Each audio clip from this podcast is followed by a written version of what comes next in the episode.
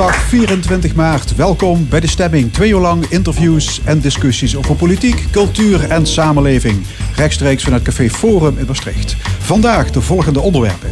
De spectaculaire uitslag van de verkiezingen van afgelopen woensdag. De hardere aanpak van criminaliteit in het buitengebied. En Ralf Bodelier, onze analist burgerschap over Nederland als een van de vijf gelukkigste landen ter wereld. In het tweede uur de never-ending story van de Brexit. Komt het tot een akkoord met de EU of wordt het toch een no-deal? Dan ook een column en het panel discussiëren voor Forum voor Democratie en andere actuele zaken. En de muziek is vandaag van Good Company.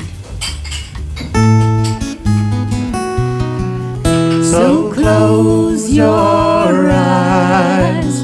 You can close your eyes. It's alright. I don't know no love songs. I can't sing the blues anymore.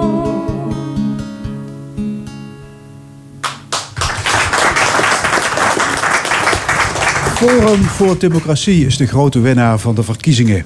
Thierry Boudet en de zijnen vormen de grootste fractie in de nieuwe Eerste Kamer en ze bestormen alle provinciehuizen van ons land. In Limburg werd Forum de op één na grootste fractie in provinciale staten. Waar komt dat electorale succes vandaan en hoe moet het verder met het geniveleerde politieke landschap? En welke coalitie komt er straks in Limburg uit de bus? We gaan erover praten met Sjaak Koenis, politiek filosoof van de Universiteit Maastricht. En met Erik Koppen, voormalig statenlid en gedeputeerde namens de VVD. Ja, het is eh, na Fortuyn en Wilders de derde keer dat een rechtspopulistische politicus de traditionele partijen overrompelt. Waarom lukt het eigenlijk niet om dat te voorkomen door die traditionele partijen, Sjaak Koenis? Nou, zoals je de vraag stelt, is het net alsof of dat de belangrijkste taak is. Sorry. Vanuit het perspectief van die, van, die, van die middenpartijen vormen de populisten eh, in al zijn vormen inderdaad een, eh, een, een voortdurend probleem. En dat, eh, ik denk ook dat dat niet weggaat. En dat heeft meer te maken met veranderingen in, in de politiek, in het politieke landschap. de middenpartijen die heel groot waren, die worden steeds kleiner. Dus het wordt steeds moeilijker om coalities te sluiten. Dat zien we nu ook. op basis van deze uitslag. Ik, ik, zou me, ik kan me niet voorstellen wat voor coalitie daaruit moet komen. Ja, dat, zijn, ja, dat zijn problemen die gaan niet weg. En dus populisme, ik, ik, ik heb het liever over nationaal populisme. Dat gaat blijven en dat blijft ook al. Dat is eigenlijk al, al, al twintig jaar uh, een duidelijke aanwezigheid. Ja, opvallend is dat Limburg deze keer niet afwijkt van het landelijke beeld. Zoals het geval was bijvoorbeeld met de PVV-monsterscore ja. van een aantal jaren geleden. Forum scoorde in heel Nederland. Wat zegt dat over de partij en haar aanhangers? Nou, dat hij uh, uh, als, als new kid in town, als het ware... dat ze een aantal zaken beter hebben aangepakt dan hè, bijvoorbeeld Fortuyn in de tijd deed. Maar goed, die, die had natuurlijk andere problemen. Uh, maar ook als Wilders. Wilders heeft een duidelijke aanhang zijn boodschap is steeds hetzelfde gebleven. En ik denk dat ook de kiezers voor Nationaal Populistische Partij... dat die daar toch een beetje moe van worden. dus vandaar dat Wilders echt uh, richting uh, de achterdeur is. Denk ik, vrees ik voor hem. Baudet heeft een aantal nieuwe thema's... en oogt op het, op het eerste gezicht ook... Ja, een wat redelijke vertegenwoordiger van, van, van, van populisme te worden. Ja, redelijke vertegenwoordiger. Voelt u het ook zo, Erik Koppen? Ja, ik denk eh, dat hij uh, toch op de een of andere manier mensen enorm weet aanspreken. Niet alleen hij, maar het is toch een tandem natuurlijk uh, met Hiddema. Um, en, en de toon is anders. Um, ik wil niet zeggen dat de toon beter is dan Wilders, maar hij is anders. Ik denk dat het zeker uh, ja, heel veel mensen aanspreekt en dat is ook gebleken. Ja. En dan gaat het, dat is eigenlijk wel opvallend, dan gaat het niet zozeer om de eigen portemonnee, maar het gaat om gevoelens. Ja, het gaat veel meer om emotie. En ja, we hebben de afgelopen jaren natuurlijk heel veel voor de kiezer gekregen in Nederland. Er zijn heel veel veranderingen geweest en dat maakt mensen heel erg onzeker over de toekomst. Of het nou het pensioen is, of dat het je werk is, of anderszins. Um, en, en die onzekerheid, maar, maar ook gewoon het, geen, het gevoel hebben dat je de grip als burger kwijtraakt op die politiek. Uh, leidt ertoe dat, ja. mensen, dat mensen toch op de een of andere manier iets anders willen in ieder geval. toch is dat is dat wel wat paradoxaal. Want ik heb het idee dat kiezers, als je op een veel langer termijn terugkijkt, dat ze nog veel minder greep hadden op de politiek. Hè, omdat het heel sterk door de eh, politieke elite en de partijen, vooral de middenpartijen, bepaald werd. Eh, dus het is, het is voortdurend wel het verhaal van toenemende onzekerheid. En dat, dat klopt ook wel. Mensen die voelen zich in allerlei opzichten minder zeker van hun positie, hun baan, hun inkomen. Dus die verhalen over, jongen, jongen, wat wordt het allemaal onzeker, die, die vinden gretig aftrek. Maar dan moeten we niet denken dat die verhalen ook allemaal kloppen. Of dat het vroeger zoveel zekerder was. Dat, dat, dat, eh, dat betwijfel ik sterk. Ja. Baudet die hield een behoorlijk bombastische overwinningsspeech woensdagavond laat. Doorspekt met uh, academisch jargon.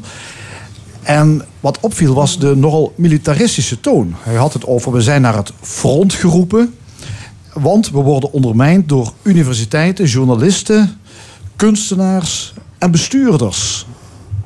Ja. Wat zegt dit?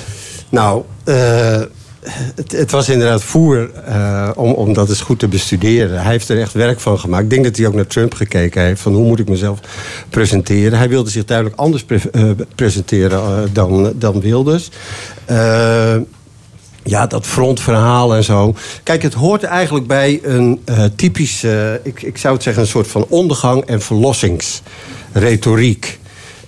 en dat dat slaat heel sterk aan. Hè? Dat die, en daarvoor zijn ook allerlei uh, aanwijzingen te vinden. Hij heeft het idee dat onze beschaving... hij heeft het dus ook over beschaving... niet per se direct over ons land... maar onze beschaving is, is, uh, is aan het ten onder gaan.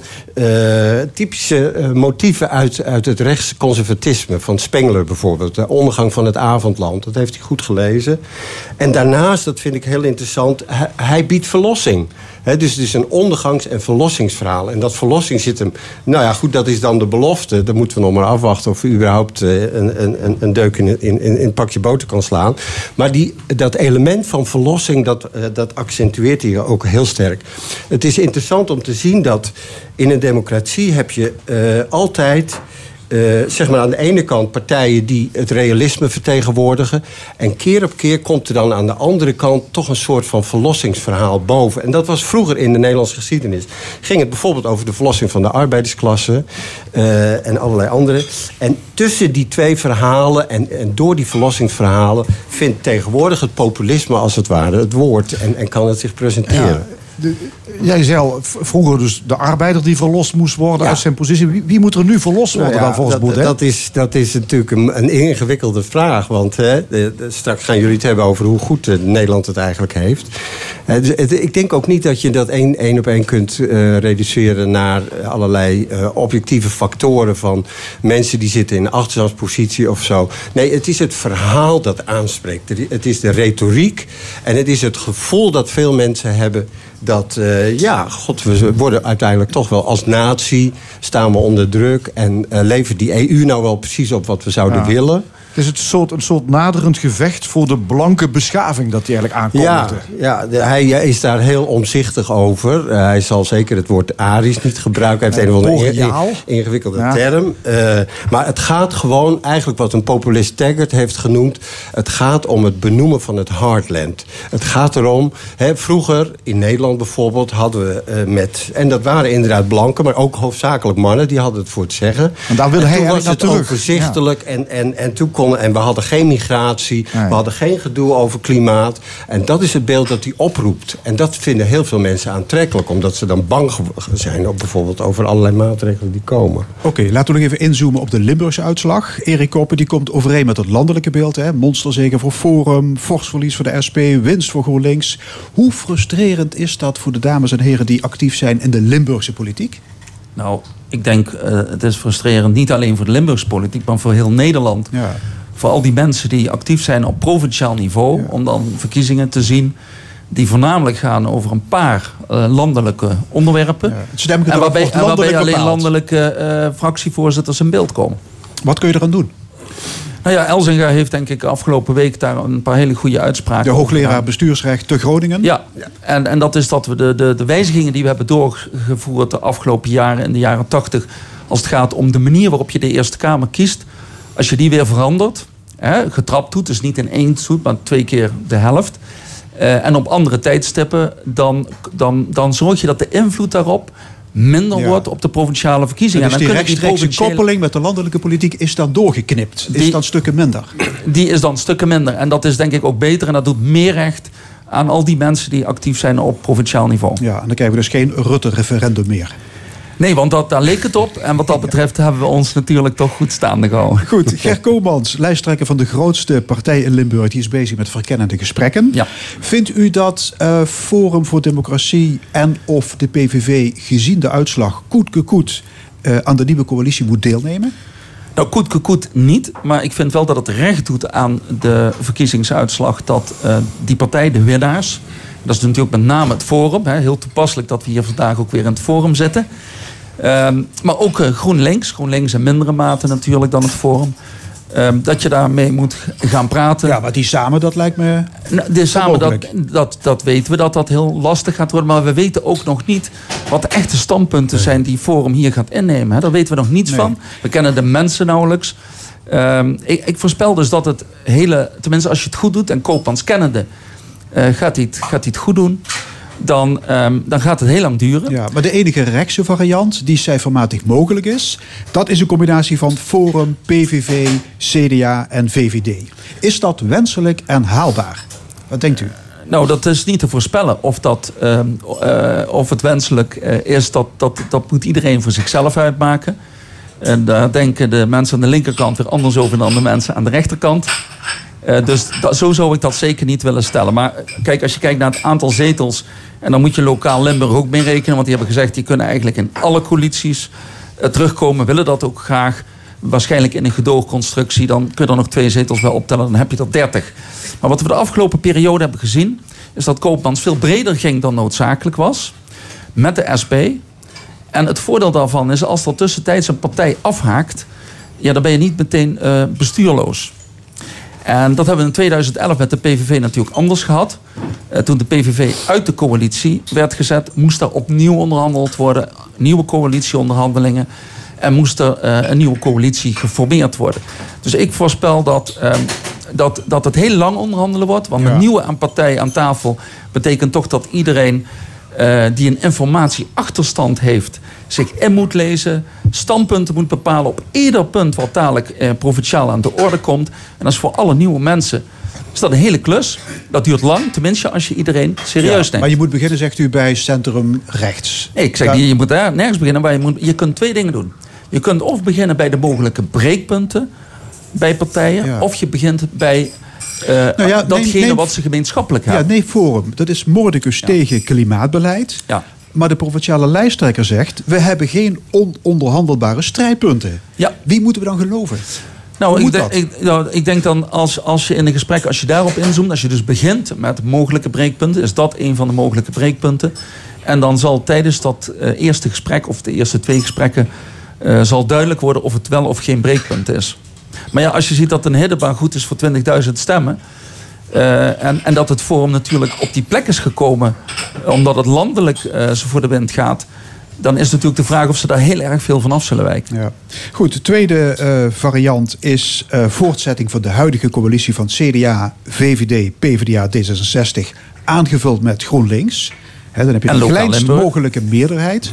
Eh, zal het daar uiteindelijk niet op uitdraaien? Sjaak wat denk jij? Nou, eh, ik, ik, ik, ben, ik voel me zeker geen expert over de provinciale politiek. Maar ik denk dat het beter is om over rechts te proberen. Omdat dat een heel duidelijk, eh, eh, ja, als het ware, ja, er, is ruk, er is een ruk naar rechts Er is, natuurlijk. en daar moet je op, ik denk ik, als je begint te praten, moet je daar gewoon in ieder geval in eerste instantie aandacht aan Maar het. CDA ging de verkiezingen in met de slogan voor een stabiel bestuur. Ja, gezien de ervaringen die zijn opgedaan met eh, SP en PVV, is stabiliteit het laatste waar je aan denkt. Ja. Ja, dat is waar. Maar als, je, als je kijkt naar de bestaande coalitie, dus zonder de SP, dan is dat al do- door de jaren heen, decennia lang, natuurlijk een, eh, een hele stabiele coalitie. Maar ze hebben niet genoeg voor de meerderheid. Dus Nee. Ja, dat is eigenlijk in de Nederlandse politiek altijd de test geweest. Na de verkiezingen, dan komt, eh, dan komt de kwestie van... zijn het mensen die mee willen besturen of niet? Nou, tot nu toe waren er eh, bijvoorbeeld bij PVV eh, weinig aanwijzingen dat ze mee wilden besturen. Met een paar uitzonderingen op een paar plekken na. Dat zal ook de test zijn voor Forum. Willen ze, meebestu- willen ze meedoen of willen ze aan de kant blijven staan? Ik heb de indruk dat ze in ieder geval gezegd hebben dat ze mee willen doen. En dat betekent dat die radicale standpunten, dat ze daar ook dat ze de- die zullen moeten aanpassen. Dat water, is de, water bij de wijn. Water bij de wijn, dat is de Nederlandse politiek. Erik Koppen, je hebt allerlei A4'tjes voor je liggen. Je hebt de uitslag goed bestudeerd volgens mij. Klopt. Nog opvallende dingen opgevallen? Nou ja, je ziet eh, dat, eh, dat er toch eh, meer dan twintig mensen eh, op voorkeur gekozen zijn. En dat is in eh, Limburg is, dat, is de kiesdeler ongeveer 10.000, iets minder. En eh, rond de 2400, iets meer dan Dus 2400 er is veel stemmen. persoonlijk is gestemd, een kwart plus één, hè? Ja. Ja, ja dat, dus er wordt in Limburg nog steeds eh, heel veel persoonlijk gestemd. Dat is zeker waar. Maar bij sommige partijen is dat juist niet. Hè. Forum is een van die partijen waar dat weer niet is. Nou, na- naast Forum eh, zie je dat, er ook, dat ook GroenLinks gewonnen Ja. heeft. Hè, dat zijn de twee winnaars. Opvallend dat dus zowel een partij die klimaatprobleem wil aanpakken... als een partij die het klimaatprobleem ontkent, heeft gewonnen. Eh, wordt klimaat de nieuwe polarisatie in onze Nou, politiek? Dat is het op dit moment zeker, ja. En het is het feit dat je die twee partijen... Dus, dus dat vergeten we wel eens met dat verhaal over Forum. Aan de linkerkant zijn er meer winnaars. Niet alleen GroenLinks. Nou ja, je zou zelfs PvdA kunnen zeggen van... De, on, eh, ja, zeg maar, de neergang is in ieder geval gestuurd. Ja, dat is ook wel een overwinning. Maar het Ja. zegt iets over ja, de totale versplintering van het middengebied. Eh, dat, dat die beide partijen zo sterk Nou ja, zijn geworden. alle partijen, kijk, de partijen worden kleiner. Je ziet dat het CDA tot 2003 had zelfs de absolute meerderheid in provinciale staten. Eh, en is nog nooit zo klein geweest als dat ze nu zijn. Eh, en dat zegt wat. Ja, maar toch de grootste. Hè? Zo kun je toch Wel de grootste, maar- Ja. De grootste van de dwergen. Ja, ja. Dus eh, kun je ook niet zeggen dat, eh, omdat juist die traditionele partijen het eigenlijk allemaal eens zijn over bijvoorbeeld de aanpak van klimaatproblemen. Hè? We hebben ze aan tafel gehad hier allemaal. Ze denken eigenlijk ongeveer hetzelfde. Forum denkt heel anders. Zet Forum zich daarmee ook niet gewoon al buitenspel?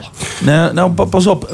Punt 1. De, als je kijkt naar de stemmen, dan stemmen de mensen graag op iemand die een helder standpunt heeft. En dat betekent klimaat voor- en tegenstanders hebben op de grote voor- en tegenstanders eh, gestemd. En dat hele middengebied, wat min of meer grijs is, zeg maar, eh, krijgt dan minder stemmen. Dus dat betekent toch dat, ehm, dat het loont om heel helder te zijn in je standpunten en die ook heel eh, expliciet te formuleren.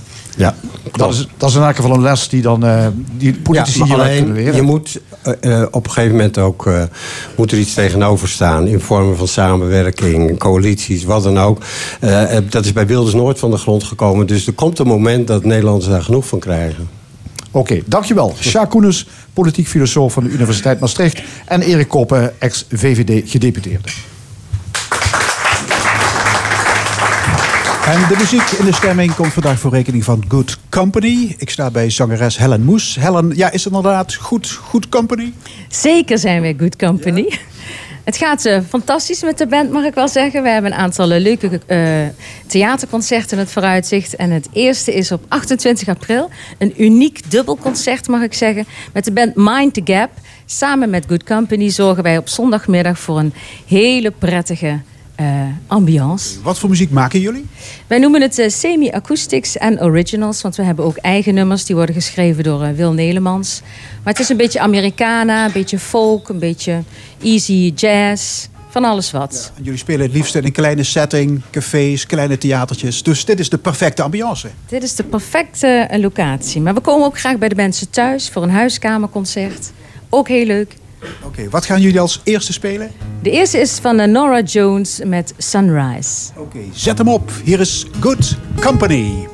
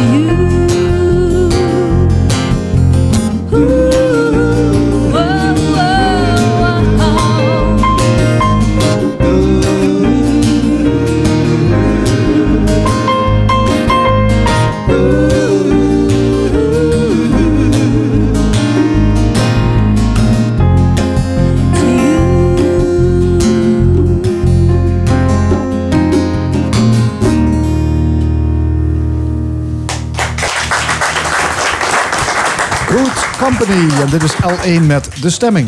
Criminaliteit in het buitengebied. Het is een toenemende bron van ergernis. Het dumpen van drugsafval en huisvuil, stroperij en motorcross en andere illegale activiteiten, het loopt langzamerhand de spuigaten uit. Daarom is vorige week een convenant ondertekend. En dat maakt het voor boa's en boswachters mogelijk om op elkaars grondgebied op te treden. Maar is dat voldoende om de onveiligheid in bos en veld een halt toe te roepen? Aan tafel Miel Lemaire, hij is boa van de Groene Brigade... en Bas Verkerk, burgemeester van Beekdalen. Ja, Beekdalen is de naam van de nieuwe fusiegemeente van Schinnen, Nut en Onderbanken. Meneer Verkerk, u bent vanaf 1 januari waarnemend burgemeester. Hoe bevalt het? Het is hartstikke mooi werk. Een prachtige gemeente, gastvrije mensen, een heerlijk landschap. Maar we moeten nog wel een paar dingetjes oplossen. Ja, maar u was hiervoor eh, burgemeester van Delft in de Ja. Randstad. Nu van een plattelandsgemeente in de periferie. Is dat een groot verschil? Eh, ik ben een platteland in Overijssel opgevoed. Eh, hiervoor was ik waarnemend burgemeester van Ommen. En ik zie veel gelijkenissen en ik voel me thuis op het platteland. Oké. Heuvelland in dit geval. Ja, we gaan het hebben over ja, criminaliteit in het buitengebied. Hè, dat is het thema. Hoe groot is het probleem, meneer Verkerk? Het is eh, groter dan wij kunnen denken en waarnemen. We zien een grote toename van echt ongerechtigheden ja, in het bosgebied, in het plattelandsgebied. Eh, dat heeft te maken natuurlijk met de natuurlijke omgeving. Met heuvels en eh, bossen waarin je, ja, je, Je aan kunt het zicht ongezien van alles dumpen. Ja. Eh, tweede factor, ja, ik, ik, ik loop en rijd daar vrij veel rond. En je ziet het ook aan nou ja, het afval wat gewoon op straat ligt. Veel te grote auto's op bosweggetjes. Dat klopt niet, hè? Eh, afgelegen schuurtjes en loodjes waar, eh, nou ja, die op een afstand al kunt zien. eh, nou, hier zou je gewoon prachtige pilletjes kunnen draaien. Plus de vluchtwegen naar Duitsland en België liggen om de hoek. Dus je kan je ook heel snel onttrekken aan opsporing en vervolging. En vergeet niet, en dat is helaas wel een feit, dat wij steden in de buurt hebben liggen die hoog scoren op de criminaliteitsindex. En laat mensen in Beekdalen vooral niet denken dat je je daaraan kunt onttrekken. Als je gewoon ja, grote criminaliteit in de steden om je heen hebt, ja, dan verplaatst zich dat ook naar het laagste putje. Kost het uw gemeente veel geld? Dat kan ik nog niet direct zeggen, maar ik vind wel eh, dat we er bestuurlijk en financieel wel meer aandacht aan moeten besteden. Oké. Goed, ook aan tafel Mille Lemaire. U bent de BOA van de zogenoemde Groene Brigade van de provincie. hè. Dat is de dienst die zich bezighoudt met opsporing en handhaving. Met hoeveel zijn jullie? Eh, we zijn bij de provincie Limburg zijn we in totaal met eh, 12 handhavers. Eh, dat zijn mensen die zowel bestuurlijk als eh, strafrechtelijk handhaven. En die houden zich bezig primair met taken die de provincie aangaan. Dat is het beschermen van eh, landschappen, wild levende dieren, soorten, maar ook gebieden. Ja, 12 voor de hele provincie. Dus dat van zijn- Mook tot, tot IJsden, Ja, zeg dat maar. zijn toezichthouders. Dat lijkt heel erg weinig. Ja, daarnaast hebben we mensen die zijn BOA, dus van de Groene Brigade. En die zijn eigenlijk met zes mensen op dit moment. En die zijn inderdaad voor de hele provincie zijn die actief als BOA. Dus Is dat die- genoeg? Dat is eh, eh, op dit moment, als je het allemaal alleen moet doen, is dat eh, veruit onvoldoende. Dus vandaar dat wij ook inzetten op samenwerking met andere partijen die ook handhaven buitengebied. En dat is op de eerste plaats dat toch de, politie, maar ook heel veel eh BOA's van, van andere bestuursorganen zoals waterschappen, Rijkswaterstaat en niet te vergeten terreinbeheerders zoals Natuurmonumenten, Staatsbosbeheer, Limpers Landschap en eh, de jagersverenigingen die ook een aantal jachtopzichters eh, Ja. in het terrein hebben. U, be- u bent BOA. Bestaat uw werk vooral uit patrouilleren? Eh, van deel bestaat het uit eh, patrouilleren, dus eh, toezicht in het buitengebied. En met name aandacht voor, voor allerlei zaken die de burgemeester net al heeft eh, aangehaald. Daarnaast doen wij ook in samenwerking met de politie veel onderzoeken op het gebied van natuur- en milieucriminaliteit. En dat vergt ook wel, wel enige capaciteit ja. die je dan niet meer kunt besteden in het surveillance en het toezicht in het buitengebied. Ja, wat komt u allemaal tegen aan illegale zaken in het buitengebied? Nou, waar wij eh, vooral tegenaan lopen, eh, even vanuit de provincie bezien, is tegen het, eh, de overtreding op het gebied van de wet natuurbescherming. De wet natuurbescherming die regelt de, de, de soortenbescherming in Nederland, dus de, in het wild levende dieren. Dat kan van alles zijn, van steenmarters tot en met dassen, reeën, zwijnen, konijnen, noem maar op. Ze regelt ook de in het wild levende planten, dus beschermde planten die eh, her en der groeien. Maar ook eh, gebiedsbescherming is ook een Dus hele belangrijke. u zegt eigenlijk, er lopen stropers rond en mensen die die plantjes stelen uit het Ja, bos. stropers, wildstroperij, eh, visstroperij, mensen die planten stelen, die beschermde reptielen, amfibieën weghalen voor het terrarium of wordt handeld. Eh, mensen die illegale ingrepen in het buitengebied plegen ten aanzien van het landschap. Graffen die worden weggehaald. Eh, op die manier wordt ook de kwaliteit van het buitengebied wordt aangetast. Omdat wij eigenlijk, en dat moet ik wel zeggen, een heel mooi gebied hebben in Zuid-Limburg. Maar dat moeten we vooral zo houden. Eh, En een aantal wetgeving helpt ons daarbij om dat ook in stand te houden Maar tegen wat, wat staat op één? Wat, wat is de meest erge, de meest voorkomende misdaad? zou ik maar zeggen? Waar wij tegenaan lopen, wat wij zien, is eh, voornamelijk eh, het dumpen van afval. En de laatste tijd ook steeds meer het dumpen van eh, chemisch afval, afkomstig van productie van eh ecstasy. eh, Ja, er wordt gezegd dat die drugscriminaliteit zich verplaatst naar het buitengebied. En dan moet ik denken aan hennenplantages, aan fabrikage van ecstasy in, in leegstaande boerderijen. Meneer Verkerk? Ja, dat soort dingen kun je aan denken. Ehm, het eh, is ook wijdverspreid in eh, de omgeving. Ik bedoel daarmee dat eh, dit soort drugsactiviteiten ook worden gefaciliteerd door reguliere bedrijvigheid. Dus dat spul moet worden aangelegd door eh, ja, aannemers, bouwbedrijven, Dus die, leidingleggers. die doen allemaal mee. Die weten dat ook. Uh, jazeker. Het wordt ook gefaciliteerd door ehm, ja, de financiële wereld hier en daar. Notarissen, financiële instellingen. Eh, maar ook de horeca speelt daar een rol in. Deze mensen spreken af in eh, publieke horecazaken. Ehm, en misschien dat de barkeeper het wel weet, maar misschien niet durft in te grijpen. Laat iedereen die iets ziet wat verdacht is, Nou, wat u zegt klopt, eigenlijk van al die betrokkenen, die, die, weten, is, die weten ervan, maar die kijken gewoon weg. Die doen net alsof hun Nou, neus bloedt. denk je wel eens. Maar ik zou wel graag willen dat men echt de moeite neemt om het te melden. Want met deze criminele activiteiten worden eh, grote sommen geld verdiend... die besteed worden aan zaken waar je echt last van hebt. Dus er ontstaat gewoon een financieel systeem van witwassen... of eh, geld wat gebruikt wordt voor prostitutie of wapenhandel... Eh, en dat zijn dingen die ongelooflijk ondermijnend zijn in de maatschappij, die je dus wel merkt. Dus ook de financiële systemen die daarachter zitten. De politie moet echt meer capaciteit daarop ontwikkelen. Hetzelfde geldt voor cybercrime. Je kan al heel veel gewoon doen via het hacken, het inbreken op computers. U leest daar allemaal van, maar het gebeurt ook echt hier onder je ogen. En dat betekent dat we echt een beroep moeten doen op burgers in de samenleving om het te melden. Ik snap heus wel dat je, eh, nou ja, je je wat beperkt voelt om dat direct aan te pakken.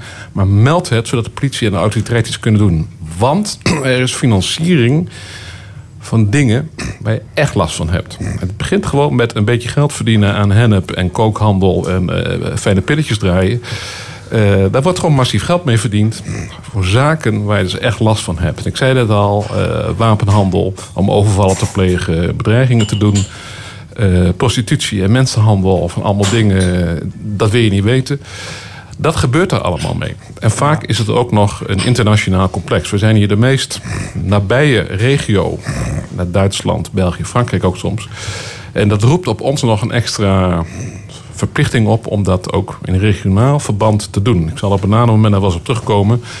Maar de bestuurlijke en eh justitiële en politiesystemen sluiten onvoldoende op elkaar aan. En daar zijn wij de verliezer van, met ons allen. Daarom een sterke oproep voor Europa. Wat sommige politici daar ook nog mogen denken. Oké, terug. ik wil even terug naar het buitengebied. Meneer Lemaire, dat wordt ook wel eens aangeduid met de term vrijstaat. Dekt dat de lading?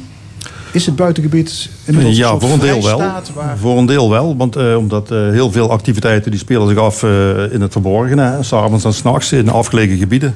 Waardoor men eigenlijk daar activiteiten kan ontwikkelen die, die niet of nauwelijks worden gezien.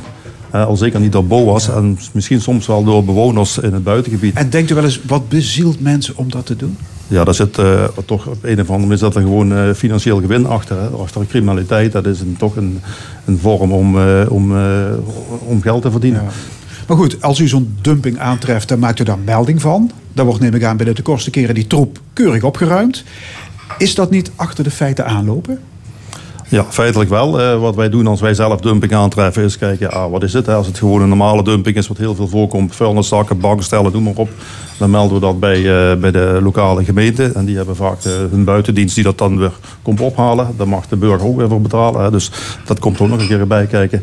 Eh, als het eh, drugsdumpingen zijn, dan eh, schakelen wij uiteraard politie in. Want er zit een heel protocol op. Dan moet je niet even zomaar naartoe lopen. Want dat zijn ook nog eens eh, levensgevaarlijke eh, situaties. Dan kunnen gassen vrijkomen. Dat eh, kan bedwelmend werken. Dus dat moet je op een speciale manier aanpakken. Nu is in eh, Beekdalen vorige week een convenant ondertekend door alle 31 Limburgse gemeenten plus tal van natuurorganisaties. Meneer Verkerk, wat is de crux van dat convenant? Eh, samenwerken, informatie delen en met eh, een grotere slagkracht hier tegenaan. Op welke manier een grotere slagkracht? Nou, als je van elkaar weet eh, wie waar zit en wie wat doet, kun je het afstemmen en kun je veel gerichter eh, de mensen op pad sturen. Je kan ook veel gerichter naar bepaalde plekken toe of naar bepaalde eh, nou, misdrijven toe. Eh, politie wordt daar dan ook eh, sneller wijzer van en kan ook veel eerder beginnen met de opsporing en de vervolging. Ja, en jullie mogen op elkaars grondgebied opereren, hè? Van Lemaire. Ja, dat is zeker voor eh, de kleine werkgevers, zoals bijvoorbeeld een, een, een natuurmonumenten of staatsbosbeheer. De BOA's van deze eh, terreinbeheerende organisaties die waren eigenlijk alleen bevoegd op hun eigen terrein. En dat maakte het soms lastig. Ja, Als, dan kun je toch niet voorstellen dat dat ooit is afgesproken? Ja, dat je moest stoppen bij de, bij, de, bij de grens. Dat is toch het ultieme kerktoren denken, ja, niet? ze mogen wel eh, doorrijden bij de grens, maar ze mochten niet optreden. Dus eh, Ja. als zij op een, iemand anders zijn grond zaten... Heeft u wel eens meegemaakt dat u bijvoorbeeld een stroper achterna zat... en dat u moest stoppen omdat de, de grens ophield? Nou, eh, zelf, niet, zelf niet, omdat ik als provinciale BOA in de omstandigheden dat ik voor de hele provincie bevoegd ben. Dus ik, ik mag wel overal optreden, ik mocht overal optreden, nog steeds. Maar de mensen van Natuurmonumenten heb ik dat wel vaker meegemaakt. Of van Staatsbosbeheer, dat die gewoon zaken zien op gebieden van de, de buurman. Waar ze vervolgens eh, niet konden optreden. En dat ondermijnt ook hun, eh, hun geloofwaardigheid. Want ze rijden er wel met de auto rond waar eh ja, boswachter BOA op staat. Eh, en een kilometer van tevoren hebben ze wel bekeurd in dezelfde situatie. Want dat was dan net toevallig hun eigen terrein. Dus Ja, nu zeggen eh, Staatsbosbeheer en Natuurmonumenten en Limburgs Landschap enzovoorts... die nieuwe aanpak, ja, dat is allemaal leuk en aardig... maar het is geen oplossing. Wat vinden jullie daarvan? Nou, ik denk dat je daar, daar, daar iets, iets te negatief over praat. Het gaat natuurlijk wel degelijk helpen om eh, meer efficiënt en met een grotere slagkracht hier tegenaan te gaan. Eh, maar goed, ik zeg nogmaals, overheden kunnen dat niet alleen. We zijn ook zeer sterk afhankelijk van burgers zelf doen. En het zelf ook melden. Nee, begrijp ik. Maar is er niet veel meer nodig? Meer boa's, meer boswachters, misschien nachtelijk toezicht... camera's, patrouilles, strenger straffen, noem maar op. Nou, we gaan er niet helemaal Wild West van maken, maar er mag echt wel eh, een tandje of wat bij. Dat staat voor mij wel vast. Eh, georganiseerde criminaliteit is groter en sterker en slimmer dan we misschien denken. Ja. Lemaire? Ja, ik eh, moet u zeggen dat eh, in ieder geval eh, wij inzetten op een verdergaande professionalisering van, van, de, van alle aangesloten BOA's. En ook een structurele aanpak door veel meer te delen van informatie, maar ook om ja, de zaak professioneler aan te pakken. Dus door middel bijvoorbeeld van eh, inzetten van de moderne techniek, camera's bijvoorbeeld op plekken waar je denkt dat is iets aan de hand. Ja, maar die worden misschien ook wel vernield. Nou, dat is een kwestie van ze eh, goed eh, op plaatsen. En, eh, Rufterproof. dus geen, geen, Ja. eh, maar er zijn allemaal Nu heeft- mogelijkheden om, om in ieder geval met behulp van moderne techniek en ook door een verbeterde samenwerking toch eh, ja, eh, zaken aan te pakken. In november heeft justitieminister Grapperhaus 100 miljoen beschikbaar gesteld voor de aanpak van ondermijnende criminaliteit. Een deel van het geld is bedoeld voor het agrarisch buitengebied. Met andere woorden, het kabinet is doordrongen van de ernst van de situatie. Ja, dat is een eh, heel goed signaal. En we gaan eh, dat natuurlijk zo goed mogelijk invullen. Ja. Klopt het trouwens dat alle BOA's volgend jaar één nieuw uniform krijgen? Eh, daar is men al lang over bezig en eh, ik zie steeds meer BOA's eh, die hetzelfde uniform krijgen. En dat is op zich voor de herkenbaarheid is dat ja, een, een goede zaak. Want ik denk dat een burger ook wel mag weten met wie hij te maken heeft. Op dit moment is het nog zo dat de meeste BOA's allemaal verschillende bedrijfskleding hebben. Ja, nu zegt Pieter van Vollenhoven, de voorzitter van Maatschappij en Veiligheid... je moet die BOA's, hè, die gewoon politietaken uitvoeren... die moet je ook uitrusten als politieagent. Mee eens? Eh, ten dele wel. Het is ook zo dat eh, de werkgever met name bepaalt of eh, zijn eigen BOA of die wel of niet geweldmiddelen toe- zou moeten hebben. Hij kan het aanvragen bij het ministerie van Justitie en hij moet dat goed onderbouwen en dan kan hij dat krijgen. Dus er zijn inderdaad BOA's. De politie heeft het geweldmonopolie, maar er zijn BOA's die hebben dezelfde standaardbewapening als de politie. Eigenlijk komt straks de Rijkspolitie, de oude Rijkspolitie weer terug. Eh, Veldwachter, hè? Ja, de veldwachter. eh, Niks vroeger mis was, mee. Niks mis De. Rijkspolitie was vroeger de, de landelijke politie, zou ik maar zeggen. En die hadden ook vaak, eh, zal ik maar zeggen, de huidige jachopzichter. Dat was vroeger, heette die officieel, eh, buiten gewoon uh, opsporingsambtenaar van Korps Rijkspolitie. Dus Ja. hij was gelieerd aan de Rijkspolitie. Dus in, zoverre heeft hij wel gelijk. Meneer Van Kerk, dat convenant eh, is een proef. Wat verwacht u ervan?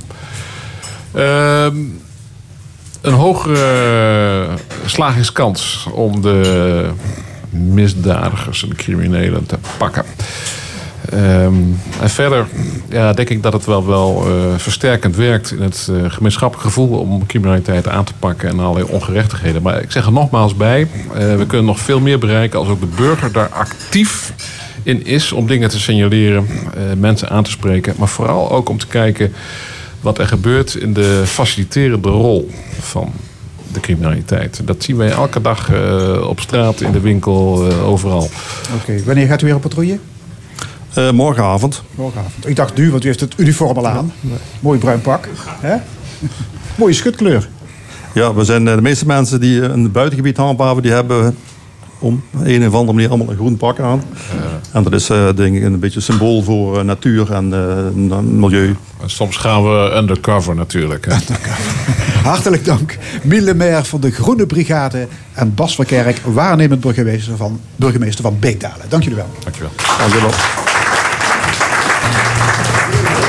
En vandaag treedt Good Company op in de stemming. Op het podium van Café Forum staan ze klaar voor een tweede optreden. En het wordt Fire and Rain van James Taylor. Hier is Good Company.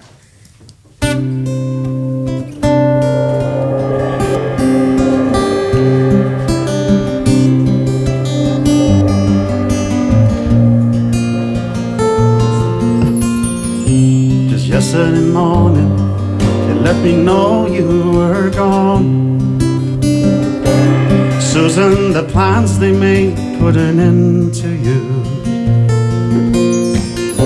I walked out this morning, then I wrote down the song. Just can't remember who to send it to. I've seen fire and I've seen rain. Seen sunny days I thought they'd never end. Seen lonely times I could not find a friend.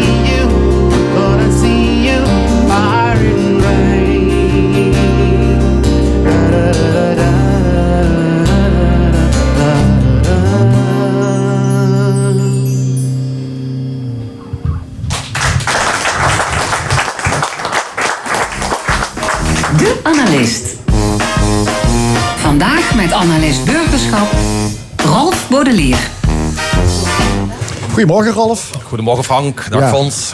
Wo- Woensdag waren de verkiezingen, maar er was nog ander nieuws. Eh, de World Happiness Report, het World Happiness Report, werd gepresenteerd. Dat is een wereldwijd onderzoek naar geluk.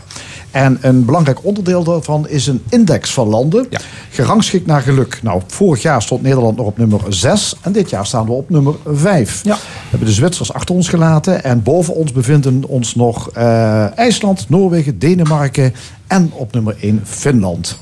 Er zijn er geloof ik nog 151 landen die staan onder ons. Precies. Ja. Ehm, jij brengt vaak goed nieuws, eigenlijk Mhm. altijd als je hier aan tafel zit. Ja. Hè? En ehm, dus kolf je naar je hand, dit denk ik dan. Ja, ja, ja, zonder meer. Nou, op zich moet er nog een voorbehoud worden gemaakt. Want stel nu hè, dat we wereldwijd met z'n allen massaal ongelukkig geworden zijn... dan is die kleine promotie van Nederland dan van, van 6 naar 5 toch steeds een eh, demotie. Ja, dat jij nou met zo'n pessimistische kijk komt. op Zo is dat helemaal. En dat doen we niet, eh, Frank. Dus, ehm, want we zien ook massaal dat we wereldwijd echt gelukkiger worden. Er zijn natuurlijk landen die wegzakken. Hè? Venezuela, Jemen. Dat is evident. Nu zal het Mozambique zijn eh, volgend jaar. Of dit jaar. Maar massaal gaan we echt stapje voor stapje omhoog op die geluks, geluksindex. En wij gaan nog iets sneller dan de rest Ja, van want- de wereld. want- want- wat- hoe wordt geluk gemeten? Ja, dat is een hele interessante. Ehm, je, zou, je mensen kunnen vragen wereldwijd, hè, via een enorme enquête in die 151 landen. Dat gebeurt ook wel, daar staan we ook bovenaan. Ze hebben hier iets heel anders eh, bedacht. Ze hebben een zestal, dacht ik, factoren gepakt, zes, waarvan we zeker weten dat ze geluk bevorderen. En waar ook statistiek van is. En die zes factoren, daarop is, zijn al die landen dus eh, geïndexeerd. En daarop staan we bovenaan. Ja. Zou ik ze even behandelen met jou? Noem er eens een paar. Ja. Ja. ja. Nou, we doen ze meteen even alle zes, want Ja, het gaat heel snel. De eerste is gewoon koopkracht. Heel simpel, als je genoeg geld Centen. hebt. Centen, ja. Ja. Om de maand eh, rond te komen, om je huur te betalen, kinderen naar school te sturen. Als dat allemaal lukt, ja, dan zit je al, dan stijg je gewoon ook gevoel hè, qua geluk. Als je moet beknibbelen op het einde van de maand of honger hebt, dan is het natuurlijk ellende. Het tweede is je sociaal netwerk. Dus dat betekent als je veel vrienden en kennissen en familie hebt... waarop je kunt terugvallen als het eh, niet goed gaat in je, in je leven. Dat is een heel belangrijke eh, factor voor geluk. Mensen met een klein sociaal netwerk... of landen waarin mensen een klein sociaal netwerk hebben... die, die scoren al vrij laag. Het derde is je levensverwachting. Eh, en vooral ook je levensverwachting in gezonde jaren. Dus niet alleen hoe oud je wordt, maar hoe oud je wordt zonder al te veel kwalen.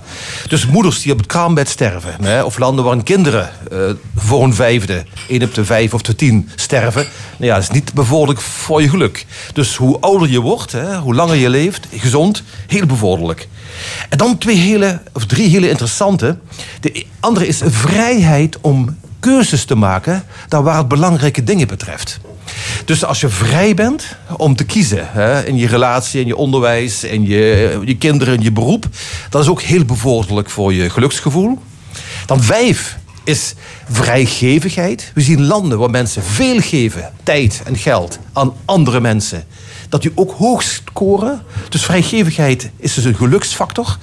En het laatste is het gevoel dat je in een rechtvaardige samenleving woont. Dus mensen die in een corrupte samenleving wonen, ja, die mensen die eh, voelen zich over het algemeen een stuk minder gelukkig. Mensen die denken, nou, het zit wel goed in elkaar, ons openbaar bestuur, politie is eerlijk, die eh, hebben ook een groter geluksgevoel. Nou, die zes factoren samengepakt hè, en gemeten, die zet dus Nederland nu helemaal bovenaan, of op vier. Ja, met, met, met die Scandinavische landen. Ja, het, gaat, het- gaat blijkbaar niet om hoe vaak de zon schijnt. Als ik kijk Nee, dat zou je denken. het- Hè? Precies. Ja. Finland, het koudste van Ja. die landen, hè, Ja, dat is- staat het gelukkigste, op ja. nummer één. Ja, ja. Ja. Ehm, wij zitten hier natuurlijk vlak bij België, Duitsland. Hoe, hoe doen eh, buurlanden het hier om ons heen? Ja, ik heb even nagekeken ehm, hoe het hier zit. Nou, de, da- de data zijn deze. Ik begin even bij een buurland wat ietsje verder eh, weg ligt. En dat is eh, Luxemburg. En Luxemburg staat op nummer 14. Dus dat is wat minder. Even kijken, ik had de cijfers hier, maar ik ben mijn... Mijn, ehm, ik even je administratie. opgeschreven. Waar is nu Ja. mijn, mijn briefje waar dit weer precies staat? Nou, maar even dalende. En dan komt Duitsland, en dan komt België, en dan Dus, komt maar die zit Frankrijk. een stuk onder ons. Die zitten een stuk onder ons allemaal. Ja, hoe, ja. hoe kan dat eigenlijk? Waarom zijn wij dan gelukkiger? Eh, bedoel, wij, wij voldoen allemaal beter aan deze criteria. Duitsers en België, wat, Ja. wat doen die slechter? Ja, dat is het verhaal. Dus op al die factoren, hè, of er zit, zijn wat minder, wat minder rijke mensen, mensen met een kleiner sociaal netwerk, zijn minder vrijgevig, dat is raar genoeg. Eh, er is minder vrijheid. Denk bijvoorbeeld, zeker aan, de- aan het zuiden van België of Frankrijk, hè, waar de hiërarchie, en ook in Duitsland, nog steeds veel sterker is als bij ons. Hè. De baas bepaalt en niet eh, de, de werknemer, de docent in de school, die is almachtig. Ik geef een les aan de andere kant hier van de grens, in België. Ja. De kinderen zijn heel dociel, veel docieler als bij ons. Want ze zijn gewend dat de leraar het bij het goede eind heeft. En niet eh, dat ze zelf iets hebben in te brengen.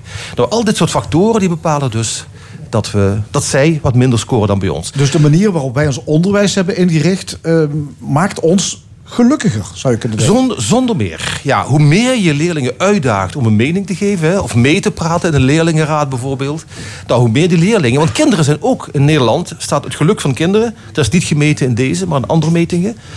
Onze kinderen in Nederland behoren ook tot de gelukkigste in de wereld, omdat ze ook het meeste vrijheid hebben waarschijnlijk om te kiezen welk leven ze willen. Ja, opmerkelijk. Eh, er zat er nog een andere in, eh, die jij noemde. Dat was eh, die vijfde, vrijgevigheid. Ja, dat is een hele mooie, hè? Ja, dat vind ik ook. Want het blijkt dus... Het rare is dus dat zeggen, gelukkige mensen geven meer omdat ze gelukkig zijn. Maar het is eigenlijk omgekeerd.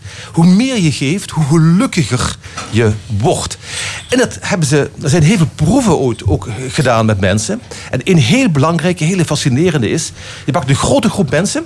Honderden mensen. En de ochtends vraag je hen, hoe gelukkig ben je? En ik geef het aan op een schaaltje van 1 tot 10. Vervolgens krijgt iedereen in die groep een bepaald bedrag. Dat zeggen 20 euro. S'avonds bel je mensen weer en het bedrag moeten ze op die dag uitgeven. Aan iets. Maakt niet uit wat. Aan zichzelf, kan ook aan anderen. Up to them. En s'avonds bel je hen weer en dan vraag je van hoe gelukkig, hoe gelukkig ben je nu? En je vraagt ook, wat heb je met dit geld gedaan? En dan blijkt dat mensen die in het begin vrij ongelukkig waren... en dit geld weggaven, een hele hoge score hebben meteen... in het bevorderen van hun geluk. Terwijl mensen die toch al gelukkig waren en het geld weggaven... die zijn nog steeds gelukkig. Maar vooral de minder gelukkigen, die worden er gelukkiger van. En blijkbaar activeert dus dat geven iets in onze hersens... op een bepaalde manier, dat we ons beloond voelen. Zo gaat het dan. Ja. Dus heel fascinerend. Dat landen die veel geven, die genereus zijn. En wij zijn een van de meest genereuze landen ter wereld. We staan helemaal bovenaan Hoewel hoewel ze in daar deze buitenlanders index. al wel eens anders over denken, hè, als ze het over Ja, Nederlanders de hebben. griepige Ja. Nederlander. Hè? Ja. We beknibbelen wel natuurlijk als we een pot pindakaas gaan kopen. Maar 70% van de Nederlanders, het hoogste aantal van al die landen... die zeggen dat ze ehm, de afgelopen maand hebben gedoneerd aan een goed doel. Ja, wel weer ten Ja. koste van de koopkracht. En daar worden mensen wel ongelukkig van. Zoveel doneren ze ook waarschijnlijk weer niet. Maar jij, jij hebt een, eh, je had het opgezocht, hè? Wat Ja. in Duitsland en België bijvoorbeeld eh, Ja, ik moet even door mijn, doneren. Ja, even, door kijk mijn, even- ja, door mijn blaadjes heen bladeren. Dat Ja. is heel fascinerend. Nou, wij, hè, 70% van Nederlanders geeft aan dat ze de afgelopen maand hebben gedoneerd aan een goed doel. Dus 7 op de 10, hè. Terwijl de 36% van de Nederlanders aangeven dat ze aan vrijwilligerswerk hebben gedaan. Die hebben dus hun tijd gedoneerd. Als je nu even kijkt naar eh, België, hier naast ons meteen. Is het geen 70%, maar 41% van de mensen die aan een goed doel gaven. En dan is het geen 36, maar 26% van de mensen die aan een goed doel gaven. Nou, dus de Belgen zijn minder genereus dan de Nederlanders. De Duitsers trouwens ook. En de Fransen zijn nog minder genereus. Oké, ja. Hey, dat is te opmerkelijk, want afgelopen woensdag kom ik toch weer even terug bij die verkiezingen. Eén op de vier Nederlanders die stemde op eh, Baudet of op Wilders. Op partijen dus die zeggen, het moet radicaal anders. Dan zou ik denken, wij zijn zo gelukkig. En als we naar de stembus gaan, dan, ga- dan stemmen we toch op een partij die zegt... eh, we moeten afrekenen met eh, de bestaande macht. En het, we willen het helemaal anders. Hoe kan dit? Nou, eigenlijk staat het nergens op dat we voor Wilders en Baudet hebben gekozen. Want ook die onderzoekers van, dat, van die World Happiness Index... dat is een heel hoofdstuk gewijd aan stemgedrag van mensen en eh, hun geluk. Het blijkt dat gelukkige mensen veel meer op middenpartijen stemmen... dan op de flanken, kun je zeggen. Dus eigenlijk zou je nu massaal hadden moeten stemmen op de VVD, CDA, PvdA en D66. Dat zijn de partijen die ons die afgelopen jaren dat enorme geluk hebben bezorgd. Eh, waarvan akte voor de VVD'ers en, PV en eh, CDA's hier in de zaal. Dus het rare is dat we het dus niet doen. Althans, één op de 7,5 mensen hebben natuurlijk op Baudet en Wilders gestemd. Niet iedereen. Ja. Maar de vraag is natuurlijk waarom wij dan Ja, wel. hoe kan dat dan? Hè? Ja. Dat, eh, ja, er zijn een hele rits oorzaken van. Ik neem er even eentje, die is wel heel fascinerend. Een, een reden kan zijn dat mensen denken... nu zijn we gelukkig, maar het zal misgaan in de toekomst. We krijgen meer moslims, we krijgen meer migranten... we krijgen vooral een hele hoge energierekening. Dat is het punt van eh, Baudet. En dat ze dus alvast hebben gecapitaliseerd op het ongeluk dat er komen gaat. En een andere verklaring, die ook die onderzoekers van het rapport aangeven, is... als een grote groep mensen bijzonder gelukkig is en welvarend is hè, en, eh, en gezond is en alles... en de groep is dat niet, die zijn domweg... dat daar de aversie tegen die grote groep, tegen de elite, wat dan genoemd wordt... alleen maar groter wordt dan ook gaan kiezen op de, op de radicalen. Dus als je eenmaal gelukkig bent, ben je misschien bang om dat geluk kwijt te raken. En dat, dat, doet jou. dat, zou zeker, dat zou ook nog kunnen meespelen. Jazeker, ja, precies. Ja, nou. Maar toch goed om gehoord te hebben dat we gelukkig zijn hier in Nederland. En dat we op de vijfde plek staan wereldwijd. Dankjewel, Ralf Baudelier. Graag gedaan, Frank. Straks in de stemming de Brexit. Verder de column van Rezi Komans. Het discussiepanel over eh, allerlei politieke verwikkelingen. En muziek van Good Company. Blijf luisteren, tot zometeen.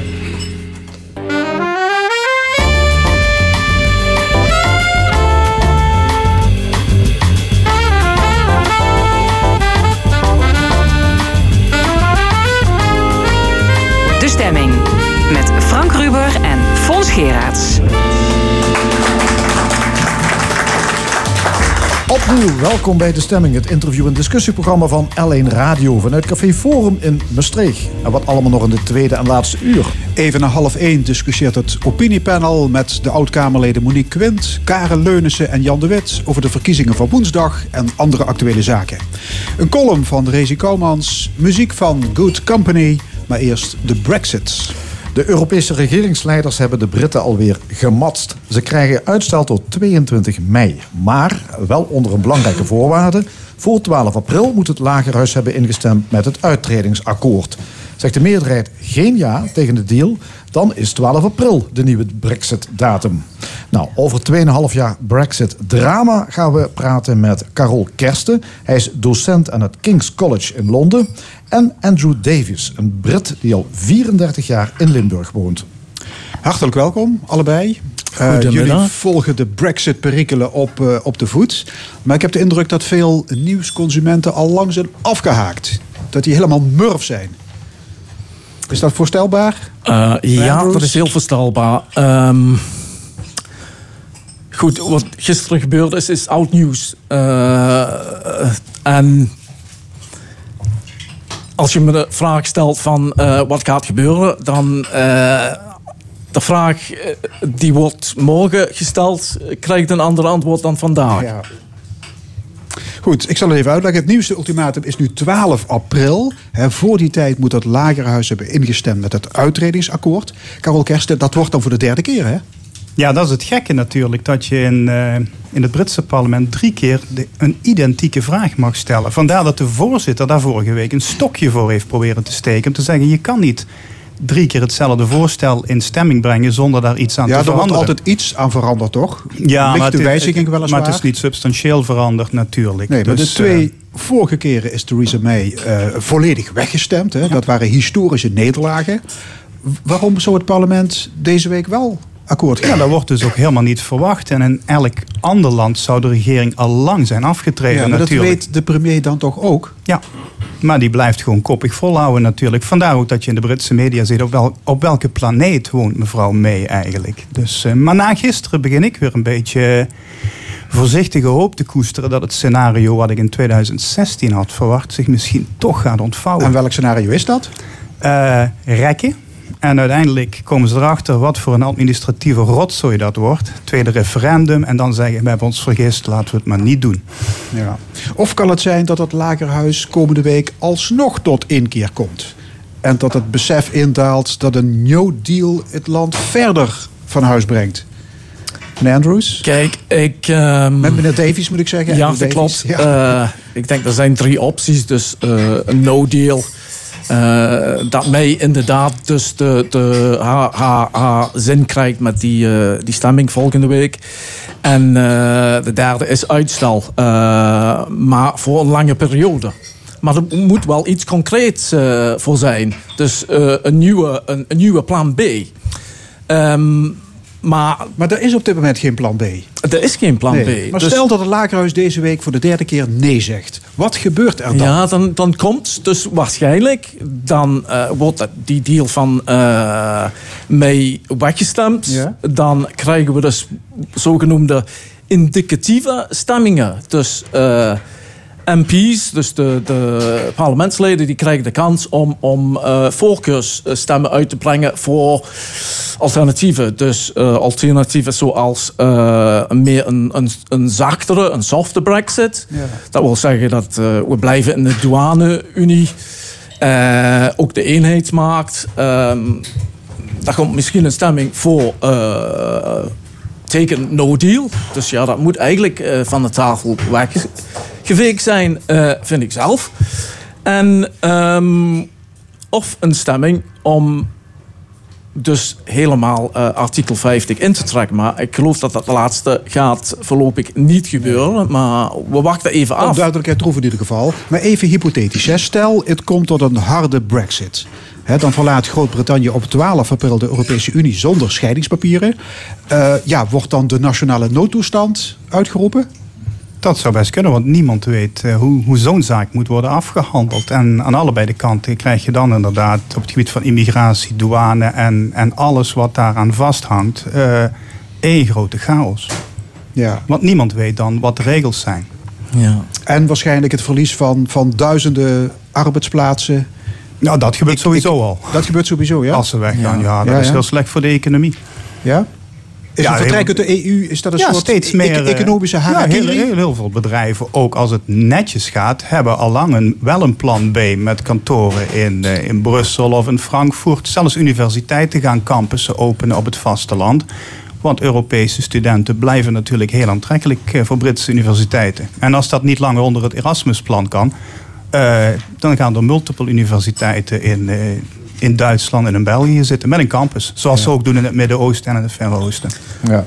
En Andrew Davis, ehm, u, u bent Brit, hè? U- Ja. U bent geboren eh, In Engeland, Manchester, ook, ja, ja. ook getogen daar. Ja. Eh, wa- waardoor bent u in, in Limburg terechtgekomen? Eh, door de liefde. Ik, dus, ik ben twintig jaar getrouwd geweest met een, een, een Nederlandse, een Limburgse. Dus, eh, en ik ben eigenlijk eh, vast blijven plakken hier in, in het zuiden. Ja, en, en u woont in Nederland. Ehm, Ja. Is het aan de Europese Unie te danken dat u kan leven zoals u nu doet? Ehm, in bepaalde opzichten dan, dan wel. Ehm, ik heb bijvoorbeeld. ja, mijn binding is eigenlijk met Nederland, maar ook met mijn achtertuin, met de U-regio. Dus ik vind, ik heb heel ontzettend veel voordeel gehad van het leven hier in de regio. Dus ik heb les gegeven in Aken. Ik heb een studie gevolgd in Hasselt. En, ehm, dus ik woon hier heel graag. Dus ik voel me ook Europees in die zin. Ik heb dus de Europees. Ik, ik, ik leef nog de Europese droom hier in, in Nederland. Dus Ja, ik voel me ook eh, Europees, maar ook eh, heel erg sterk Brits nog. Ja, want het, het lijkt allemaal heel gewoon dat dit kan. Hè? Ja. Zo leven, gewoon uit Engeland komen, hier in, in Nederland wonen. En dan naar België en naar Duitsland gaan om daar Ja. te werken. Maar dat hebben we dus allemaal te danken wel aan die Europese Ja, Unie. ja, en ik maak me eigenlijk zorgen niet om mezelf. Dat ja, ik ben nu eh, 61 jaar. Ehm, ik ga waarschijnlijk niet meer verhuizen. Maar eh, de generatie die achter mij komt, eh, die heeft daar behoorlijk eh, obstakels eh, zitten in de weg voor, voor eh, vrijheid van eh, beweging. Ja. Vrij verkeer van, van, van arbeid, van wonen. Dus we wachten even af hoe dat allemaal afloopt. Ja, eh, wat zou het voor u zelf nog kunnen veranderen? Stel, er komt echt een, een harde brexit. En eh, Engeland Ja. eh, is eh, ja, binnen een paar weken uit de Europese Unie. Wat, wat, wat betekent het voor u? Nou, u heeft ik- de Engelse nationaliteit. de Ja, Britse ja, Britse nationaliteit. Dus ik heb al een brief van de IND eh, ontvangen. Dat is de immig- eh, Immigratie- en Naturalisatiedienst. Eh, Britten die meer dan vijf jaar in Nederland eh, wonen, die krijgen dus sowieso eh, recht op verblijven in Nederland. Ik woon al 35 jaar hier, of 34 jaar, bijna 35. En eh, mijn status wordt dan eigenlijk permanent. Dus, Dus eigenlijk is er niks aan de hand. eh, nee, nee, zo krijg je me dus op dit moment niet weg.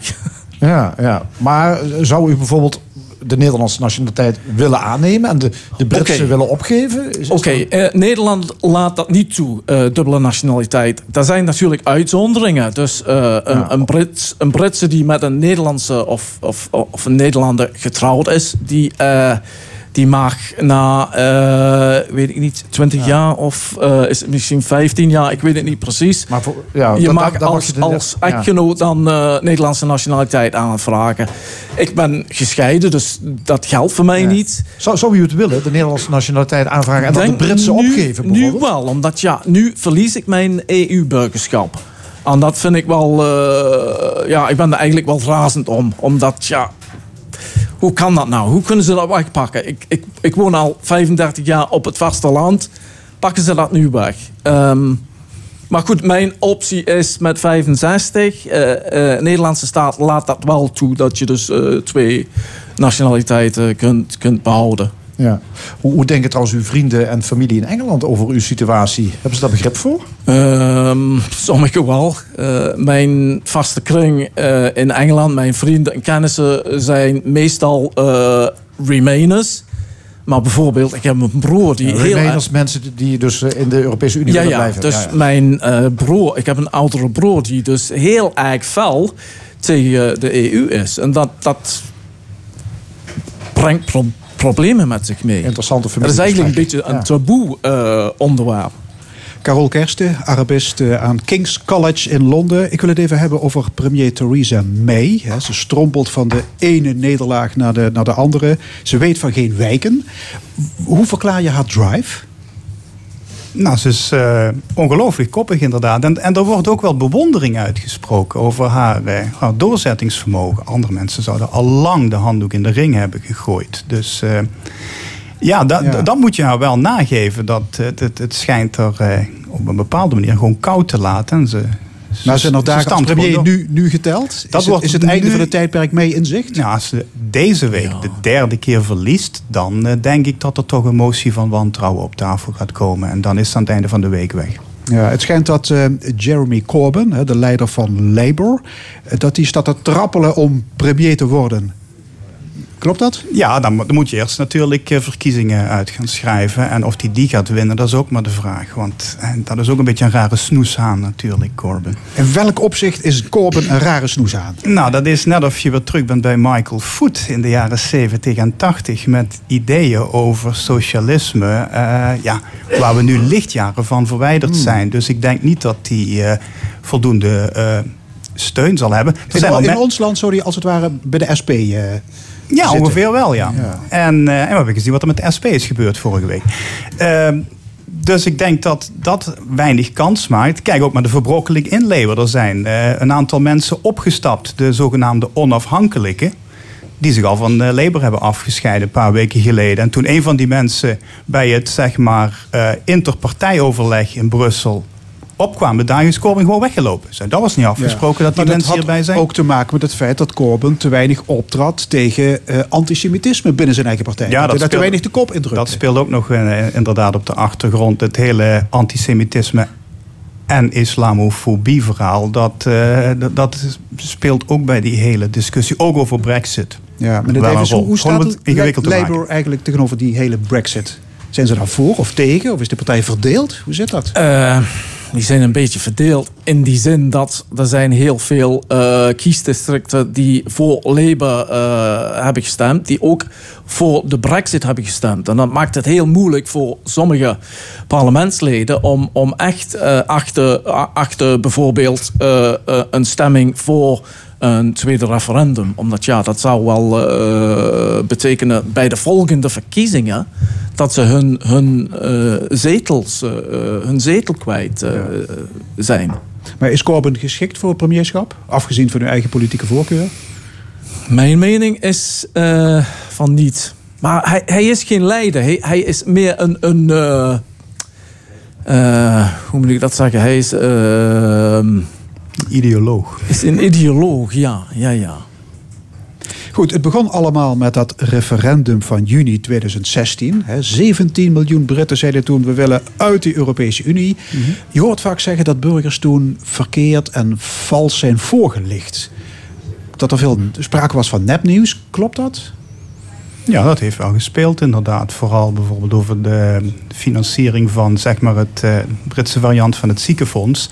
Daar werden gewoon leugens over verspreid. Van al dat geld wat we niet aan de EU hoeven te betalen, werd gewoon een bedrag uit de lucht gegrepen. Dat kunnen we allemaal aan de gezondheidszorg gaan besteden. En over een afrekening bij het brexit hebben ze het helemaal nooit gehad. Terwijl je dus ook nog eh, ja, even de balans moet Ja, opmaken. wat bedoelt voor je afrekening? Dan Hoe- moeten hoe dat uitpakt in de ja, dan praktijk. moeten miljarden betaald worden aan de EU door ook- Groot-Brittannië.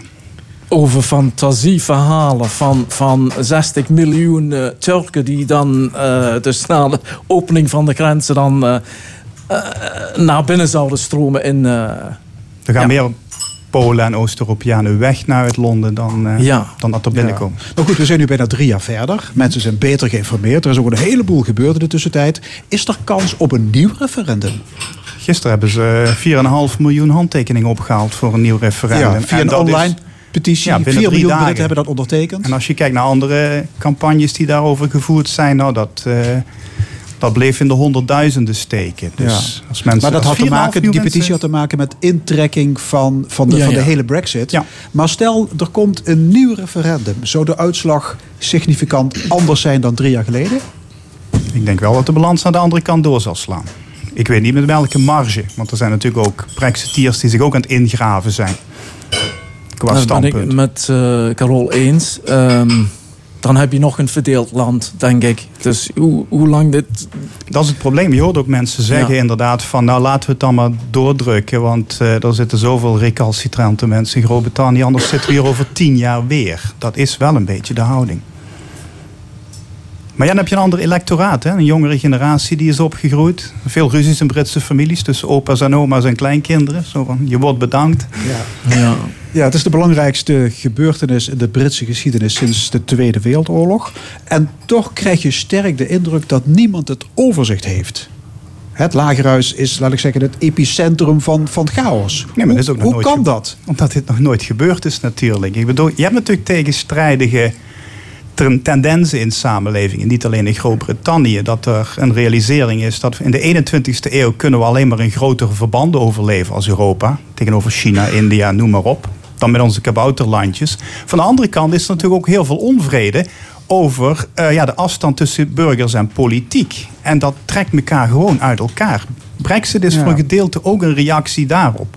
Ja, maar het lijkt erop alsof partijpolitiek belangrijker is dan de toekomst van het land. Ja, dat is een als je andere debatten, probleem- als Ja, je dat die is- debatten een beetje volgt. Maar dat is omdat je- met het gebrek aan overzicht. Maar Iedereen... dat komt omdat je in Groot-Brittannië dus een meerderheidssysteem hebt, waardoor je die zwabberkoers krijgt. Dat regeringen vaak drukker bezig zijn met de maatregelen van de vorige regering ongedaan te maken. Dus dat eh, Nederlandse poldermodel vind ik zo slecht nog niet. Nee, vergelijkbaar met de Verenigde Staten. Republikeinen Zelfde en verhaal. eh, En democraten. eh, het probleem op dit moment er is eigenlijk geen meerderheid voor een plan überhaupt. Dus ja, May die krijgt haar deal niet door. Eh er is niemand die eh, een meerderheid voor een tweede referendum. Er is geen meerderheid voor een blijven in de eh douane-unie. Ehm, dus ja, het moet om, allemaal je kunt- uitgezocht Je worden. kunt grote demonstraties houden, je kunt online petities organiseren. Het verandert, het verandert niks.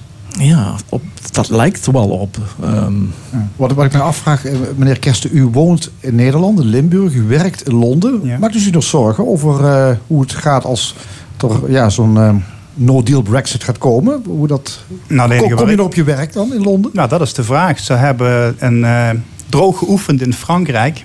Eh, en toen waren er rijen van drie uur op Gare du Nord in Parijs. Daar zit ik natuurlijk niet iedere week naar uit te kijken. Is het ook Talk of the Town op eh, King's eh, College? Toch een van de meest prestigieuze universiteiten Ja, van de in wereld? heel Londen. De universitaire wereld is er falikant tegen. Er zijn maar heel weinig Brexiteers in, onder de academici, omdat er zoveel geld verdiend wordt. En ook de samenstelling van zeg maar, de, de universiteitspopulatie, zowel academici als studenten. Betekent dat leegloop? ja, daar wordt ook een beetje rekening mee gehouden. Dat mensen eh, ergens anders eh, hun heil gaan zoeken. Ja.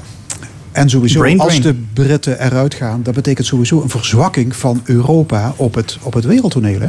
Het- niemand wint erbij. Groot-Brittannië voor zichzelf niet. En eh, een van de grote economieën van, eh, van de EU is, is ook weg. Net wat ik zeg, schaalvergroting voor de 21ste eeuw is het enige antwoord. De EU moet, ja meer EU zeg ik, maar wel anders dan nu. Want het is natuurlijk verwarrend met een EU-voorzitter en een president en een parlement zonder tanden. Als je daar nou eens een echt Europese regering van kon maken, dan, dan heb je het over een heel ander verhaal. Zoals dat die maar dat net niet willen. Nee, die lopen weg van iets. In plaats van zeggen van maak het dan beter, lopen ze gewoon weg van het verhaal. Gaan op 12 april de slagbomen omlaag? Nou, dat, dat sowieso al met het vasteland. Je gaat door de douane en immigratie sowieso. Maar eh, Noord-Ierland en Ierland, dat wordt het verhaal. De backstop. Ja, dat, laten we dat eh, Nou, we daar maar niet over bewaren voor een andere keer. Hartelijk dank, Carol Kersten en Andrew. Davies. Ja, jullie ook bedankt. De band Good Company staat klaar op ons podium. We gaan luisteren naar een volgende nummer. En dat is Shallow. Ken je ook van Lady Gaga en Bradley Cooper. Hier is Good Company.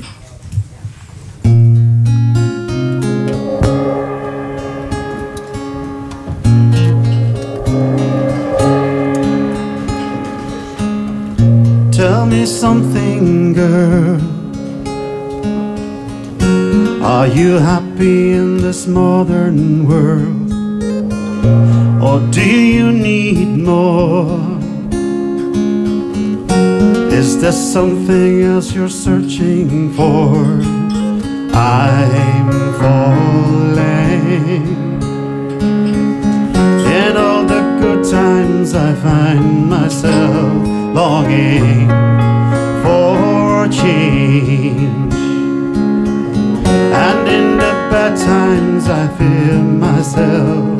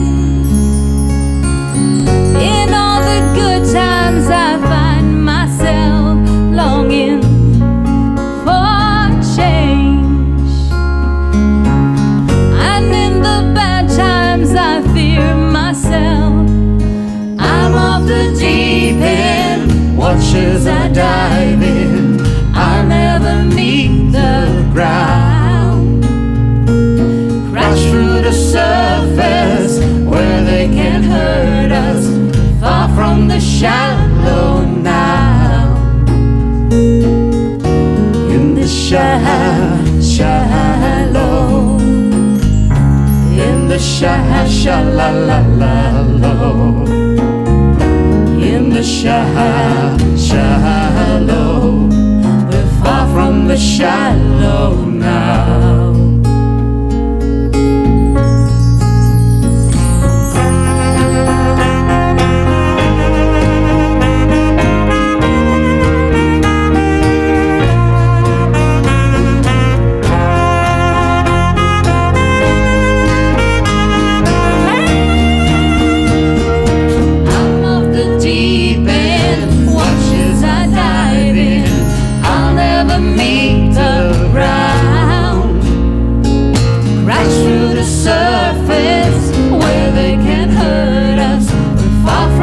shallow now.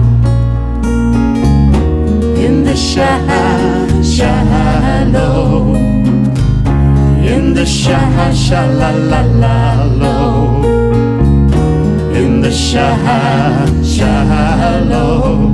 We're far from the shallow now.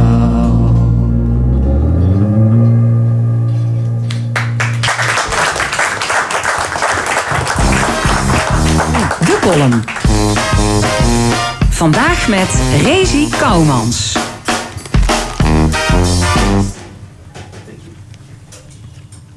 Goedemiddag, landgenoten. De uil van Minerva heet u hartelijk welkom. Hier in het Forum. Het toonbeeld van de boreale samenleving.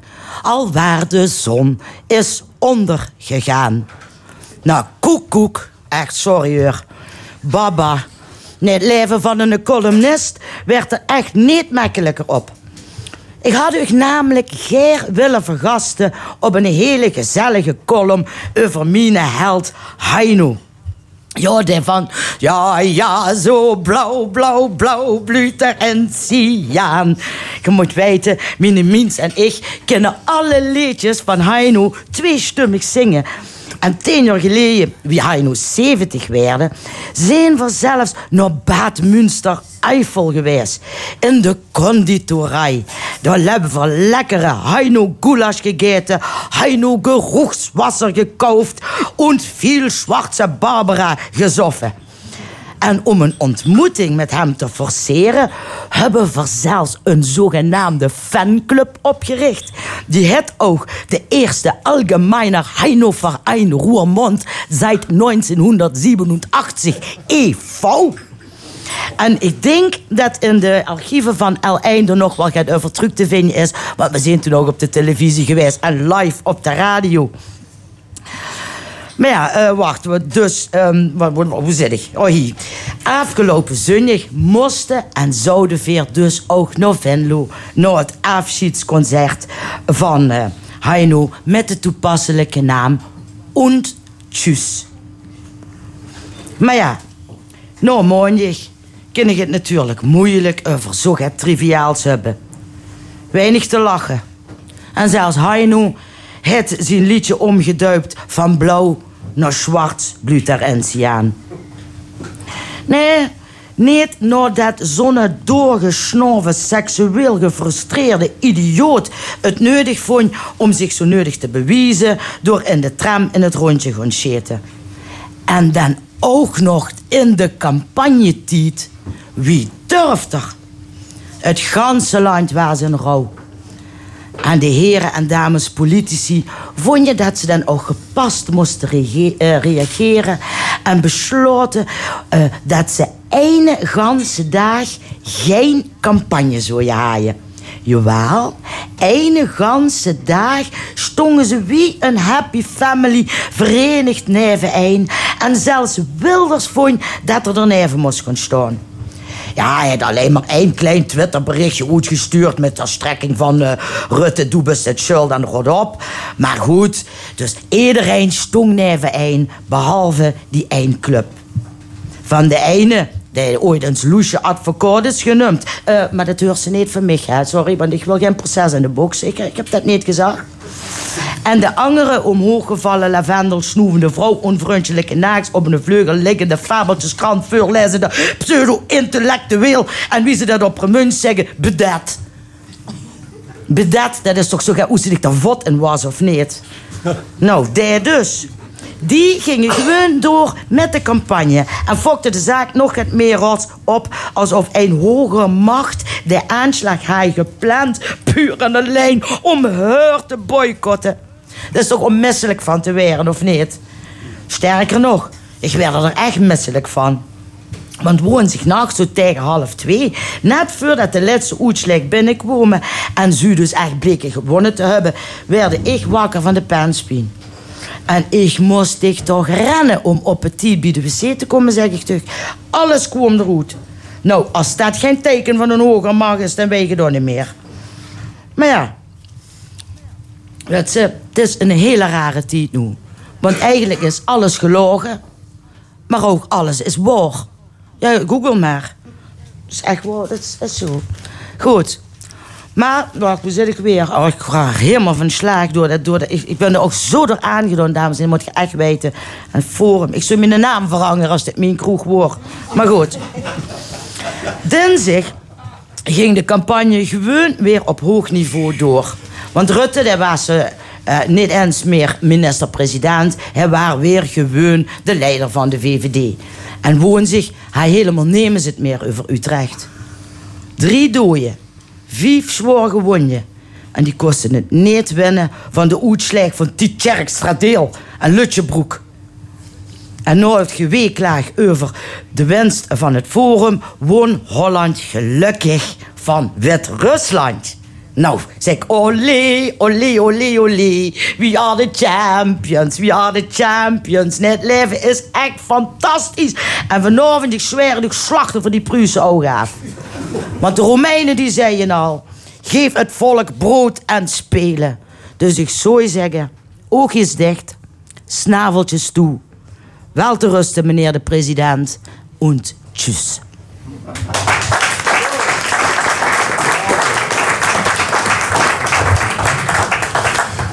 De column van Rezi Kouwmans. En hier aan tafel zit het discussiepanel van deze week. Eh, ik stel de leden aan u voor. Dat zijn Monique Quint en Jan de Wit, eh, voormalig Tweede Kamerleden van de Partij van de Arbeid en de SP.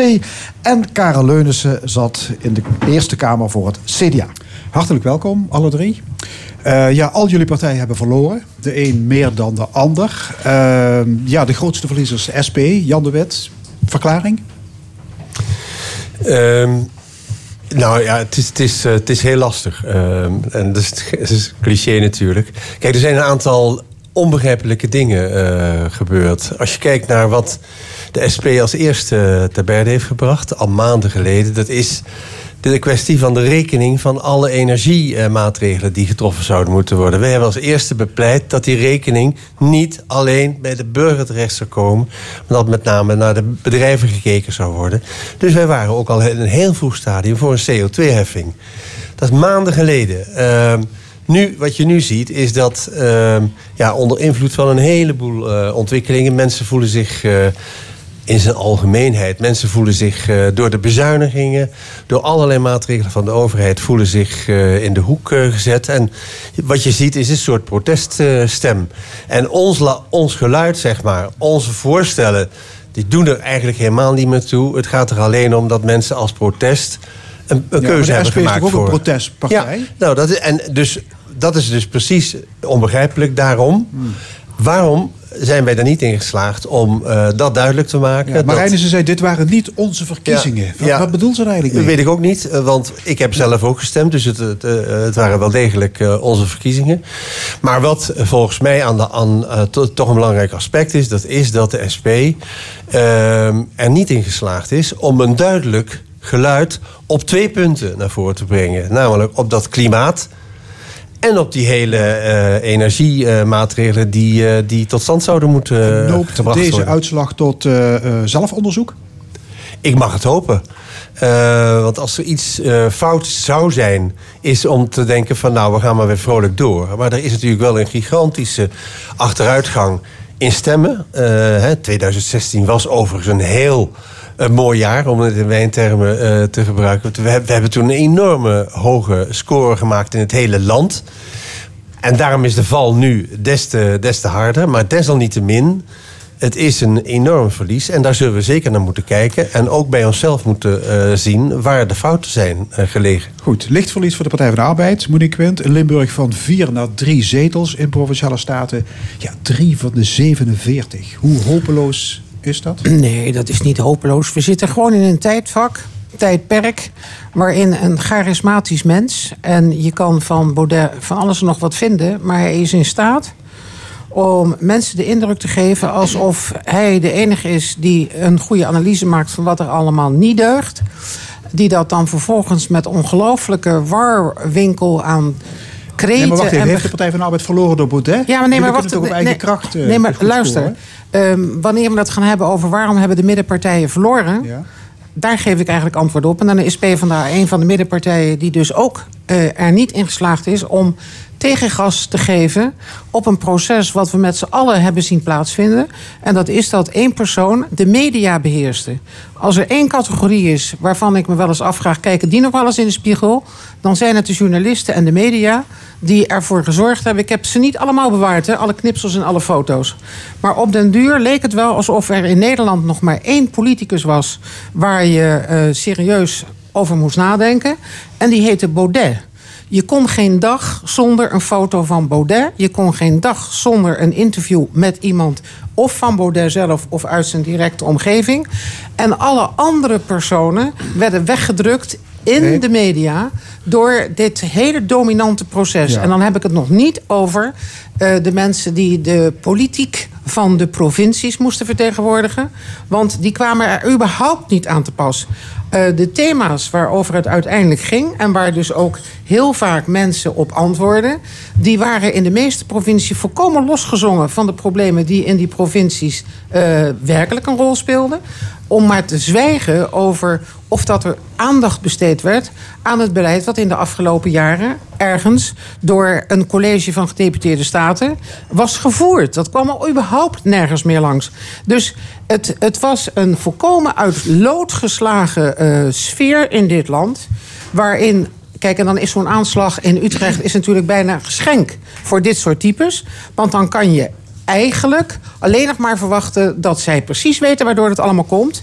En dat komt door de migranten en dat komt door. Dus het oordeel is al geveld. En dan ga je dus in de onderbuik van heel veel mensen in dit land. die al regelmatig het gevoel hebben dat daar alleen maar ellende van komt. Als dan iemand met zoveel bombardie als meneer Baudet zegt dat onze beschaving en onze cultuur in gevaar komt door de komst van anderen en door de beschaving en de culturen van anderen. En het beeld wordt opgeroepen alsof de rest van de wereldbevolking geen cultuur en beschaving heeft. Laat staan dat ze gelijkwaardig kunnen zijn aan die van ons. Dan denk ik bij mezelf: hoe hou je in godsnaam, als er verkiezingen zijn tegen de achtergrond van deze sfeer, hoe hou je dan nog een redelijk gesprek mogelijk? En dat is dus niet gevoerd, dat redelijke gesprek. Het CDA eh, gaat terug van 11 naar 9 zetels, maar blijft de grootste in Limburg. Eh, de Eerste Kamer zakken jullie van 12 naar 9 zetels. Karel Leunissen, waar is dit verlies aan te wijten?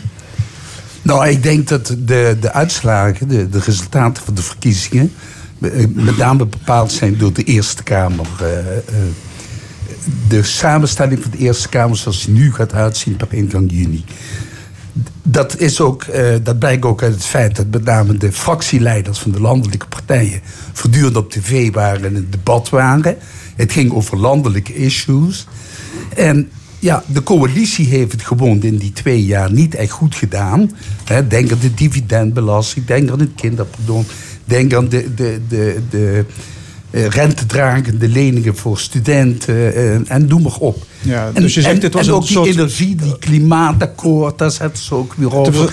Het Rutte, kabinet gaat Rutte volgens- referendum eigenlijk. En daar hebben wij ja, niet goed... En, eh, en, de, en de oppositie, die heeft elkaar vliegen afgevangen. En Thierry, eh, of eh, eh, Klaver, die is met de winst gaan strijken. Die heeft ingezet op het klimaat.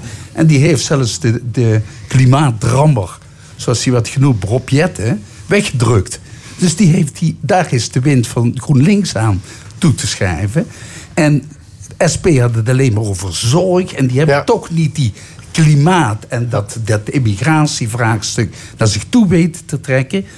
En ik vind dat het CDA ook het niet echt prima heeft gedaan in die coalitie. Ze ook een beetje de oor heeft laten hangen naar Rutte. Hè?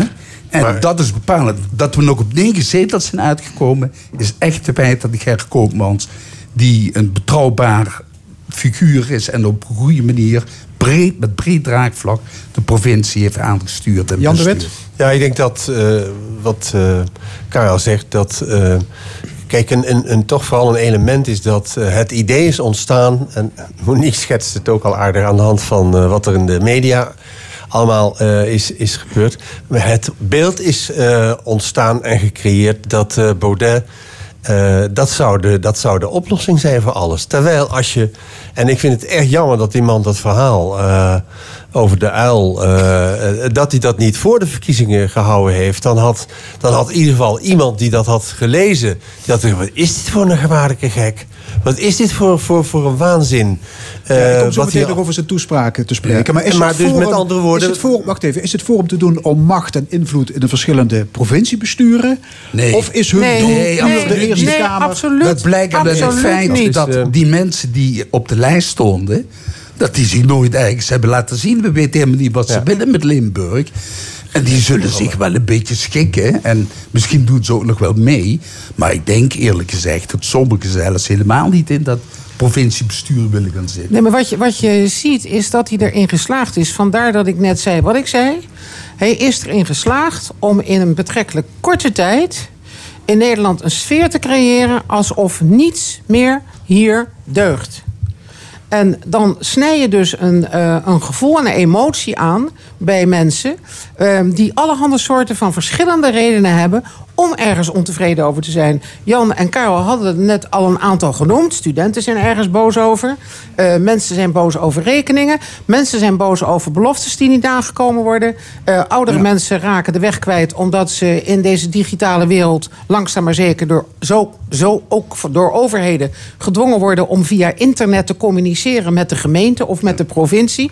Terwijl die mensen soms denken... hoe moet ik dat nou in vredesnaam weer doen? Geen mens meer te spreken krijgen. Dus die, die onvrede over een heleboel verschillende onderwerpen... waar zowel de lokale als de provinciale overheid mee bezig is... die uitzicht dan doordat iemand de sfeer creëert... Maar kennelijk zit dat de burger hoog, want hij wordt de grootste, natuurlijk. de grootste, van Alleen- Nederland, de grootste partij maar, de- van maar het zit de burger hoog. Alleen het, wat je hebt kunnen waarnemen is... dat hierover de discussie, nog in de media... nog ehm, met name op de sociale media... want dat is natuurlijk een ander gedeelte van de bevolking... dat vooral daarnaar kijkt... effect heeft gehad op al die kreten die werden losgeslagen. Nou ja, maar daar zitten ook wel dingen- Even even Jan de Wet, nou voor- voor- een voorbeeld, een- niet van, van Limburg, maar van... En het sluit aan bij de, wat, wat Monique ook zegt. In Groningen. Je hoeft de televisie maar aan te zetten in Nederland... of bij Jinek, of bij welke show, of wat dan ook. De Groningers. Die puilen uit de televisie vanwege de onvrede over de aardbevingen. En over de enorme schade en het isolement waarin die mensen eh, geraakt. De SP heeft daar als geen ander eh, en actie opgevoerd. Maar we hebben een Tweede Kamerlid en we hebben een gedeputeerde... die zich de benen uit het lijf gelopen hebben om dat probleem op te lossen. Op wie gaan ze stemmen? Al die mensen die dag in dag uit tegen die, tegen die schade, tegen die ellende... die gaan op Baudet stemmen. Die is voor de gaswinning. Maar Jan de. Witte kiezer heeft altijd gelijk. Ja, nee, maar dat, dat is werkelijk dat vind ik dus echt, dat is e- echt, echt ook zoiets. Want de, de, de overwegingen waardoor een kiezer wordt geleid... dat is al tigmalen is dat aangetoond... wordt bepaald door iets wat toevallig gisteren gebeurde. En of het nou de overwinning van Nederland op Wit-Rusland is... of het is een schietpartij in Utrecht. De emotie gaat op een bepaald moment dan de dominante rol spelen. En of die kiezer gelijk heeft, hebben de Engelsen ook gelijk? Degene die daar voor de brexit hebben gestemd... ik denk dat die intussen nachtmerries hebben... over wat daar het gelijk van de kiezer heeft opgeleverd. Dus... Ik ben het met Jan eens. De, zowel de SP als de PvdA hebben stinkend hun best gedaan... om in het noorden van het land... eh, die hebben voorgezeten, die hebben vergaderingen georganiseerd. God mag weten wat ze allemaal maar ze hebben het georganiseerd niet voor elkaar gekregen voor hen. Dat is en het dat punt. werd ook heel nadrukkelijk in, in zo'n tv-debat gezegd door de Groningers. Die zeggen, de- de- ik weet niet, er was een SP'er die was gedeputeerd eh, Ja, eh, voor, voor die eh, gaszaken. Eigenaar. En die heeft het niet voor elkaar Ja. gekregen om dat probleem op te lossen. Die had dat moeten adresseren inderdaad. Ja, en dus stem je op En om- iemand die nog niet bewezen heeft dat hij iets kan oplossen. Maar zo zijn mensen die rekenen Juist, af. dat is En zo gaat het ook over dat klimaatakkoord en de klimaatwet. Die, men heeft gezegd, ja, we weten niet wat dat gaat kosten. Ja. Hè? En ineens komt een rekening voor de, de energie 300 zoveel euro. Hè? Mensen denken, nou, dan heeft Rutte dat wel een beetje gerepareerd. Hè? Omdat hij wist dat dat geweldige invloed zou hebben op de uitkomst van de Eerste Kamerverkiezingen. Maar, dat is een, maar wat, wat gaat dat betekenen voor al die andere Ja, maatregelen? Maar, maar het ging dus En woensdag is- over alles behalve over de provincie. Ja, maar ja, dit dat is niet waar. voor herhaling Ja, vatbaar. Dit nee. moet dus over veel en- anders Nee? Oké, maar dan komen we dus bij een discussie die we in dit land, ik weet niet hoe lang al gevoerd hebben. Is die tussenlaag de provincie? Is die nog van deze tijd? Dat is vraag 1. Twee, moeten wij de getrapte verkiezing van de Eerste Kamer wel op deze manier laten plaatsvinden? Want de, ehm, er is al, ik weet niet hoe vaak gezegd, het is schandalig dat de landelijke politiek iedere keer het debat steelt wanneer er provinciale verkiezingen of gemeentelijke verkiezingen zijn. Nou, het, de- gaat, het, gaat, het gaat hier met name natuurlijk bij de Eerste Kamerverkiezingen nu... dat daar zoveel aandacht eh, voor is geweest. Dat komt dus omdat het, Uiteraard. de positie van Rutte, Ja. van het kabinet staat Ja. eh, ter discussie. Dus zodra eh, de, de meerderheid in de Eerste Kamer verandert... dan heeft Rutte een probleem. En dat heeft hij nu ook. Ja, maar dat neemt En niet dat weg. is, dat is het enige waarop men dus dag in dag uit... hè, dat is een van de onderwerpen die jullie ook voorgesteld hebben... de media papegaaien gewoon elkaar na. En in dat opzicht niks nieuws bedenken... maar gewoon elke keer liggen te eh, eh, praten over... en wat gaat er gebeuren met maar, de Eerste maar dat neemt niet weg dat ook vier jaar geleden ook de verkiezingen van provinciale staten over landelijke issues gingen. Dus het is niet nieuw. Het was alleen deze keer buitengewoon nadrukkelijk vanwege wat jij net vertelde. Maar wat het erge is, dat je merkt dat eh, zeg maar het gooi, Hilversum, heeft in zijn la een beperkt aantal namen zitten. En die zie je constant aan al die tafels zitten. En dan kijk je onlangs naar Buitenhof. En dan zit er dus een gedeputeerde uit Limburg. En dan denk je, oké, we gaan het nu over het vliegveld hebben. Dus Ja. gaat het gebeuren. Meneer Makkers krijgt het woord. Meneer Makkers laat zich eerst voorstellen op de verkeerde manier. Hij werd voorgesteld als lid van Provinciale Staten... terwijl hij gedeputeerde is. Daar reageert hij niet op. Dan vervolgens komt de discussie over vliegvelden. Dan gaat het over Schiphol. Dan gaat het over Lelystad. Lelystad, Ik ja, denk, Makkers, waar blijf je nou? We hebben hier ook een vliegveld en we hebben hier ook problemen. Hij doet zijn mond niet open. Op een en dan denk ik, het probleem is dus ook... dat die lui die al dit soort programma's invullen... ehm, iedere keer denken, ja, als je die uitnodigt... weet je van tevoren ongeveer wel wat je, wat je krijgt. En die, ja, die kennen we helemaal niet. In plaats van dat ze zeggen, we nodigen ze eens wat vaker uit... om ze te leren kennen. Nee, die kennen we niet. En dat is wat je op de nationale media voortdurend ziet...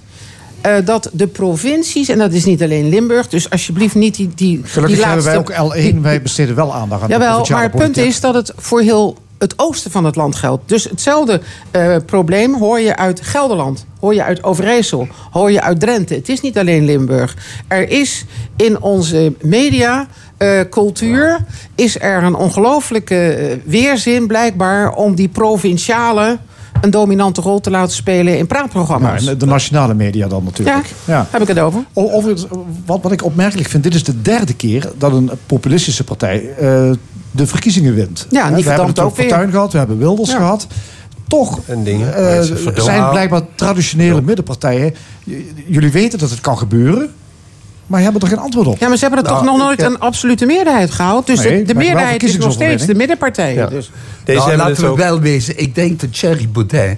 eh, eh, hij is natuurlijk populistisch, natuurlijk. Maar eh, hij is toch niet, is geen Wilders. Hè? Hij staat Ja. ver af van Wilders, vind ik toch. En hij heeft gewoon de drie issues die bij de mensen spelen. Immigratie, koopkracht, hè? delen in de, in, de, in de groei van de En economie. Europa. Klimaat. Europa en, en het klimaat. Die Nexit heeft hier al eruit gehaald. Ja. Door Otte. Dat daar is waren ze niet duidelijk natuurlijk. over. Hebben ze niet, hebben, staat niet meer in Ja. het verkiezingsprogramma. Dus in die zin heeft hij toch goed ingespeeld op, het, op, het, eh, op de kiezer. Ja. En hij heeft een goed, eh goed partij-establishment opgezet. Hè? Ja. Goede mensen. Ja, ik denk uit- dat de SP... eh, echt, Dat heeft hij toch als wij dit gedaan? zo zouden doen... zouden we opnieuw het verwijt krijgen van een dictatoriale partij. Centralistisch geleid. Nou, als er één club is, dan moet je dus echt nu bij Baudet kijken. Nee, hij heeft 13.000 leden. Hè? Dat, wel leden, dat Ja, klopt. dat klopt. Maar de manier waarop ze geleid worden... geen congressen, geen besluitvorming... Nee, dat is- bepaalt Er het is driemanschap. al Ja, veel maar- gezegd over zijn, over zijn verkiezingstoespraak. Hè? Een speech vol termen als zelfhaat, zonsondergang, ketterij. We zijn er uit front geroepen, et cetera. Karel Lunissen, wat vond jij van die, van die tekst? Nou, het was een beetje een koolballen speech, vind ik. ik. Ik ben nooit koolbal geweest, dus ik kan het zeggen. Eh, kijk, hij had natuurlijk een gigantische overwinning geboekt. Hè, en hij stond daar een beetje te brallen gewoon. Hè, en dat, dat, dat was een beetje een triomfantelijk iets. Eh, ja, hij was triomfator. En zo stond hij daar. En ja, hij is ook filosoof, dus hij, hij eh, kan die, die, die maar hij, wordt enorm gebashed hè? eh, de laatste dagen. Vind je dat terecht? Nou, het is een beetje, hij maakt zichzelf belachelijk natuurlijk op die manier.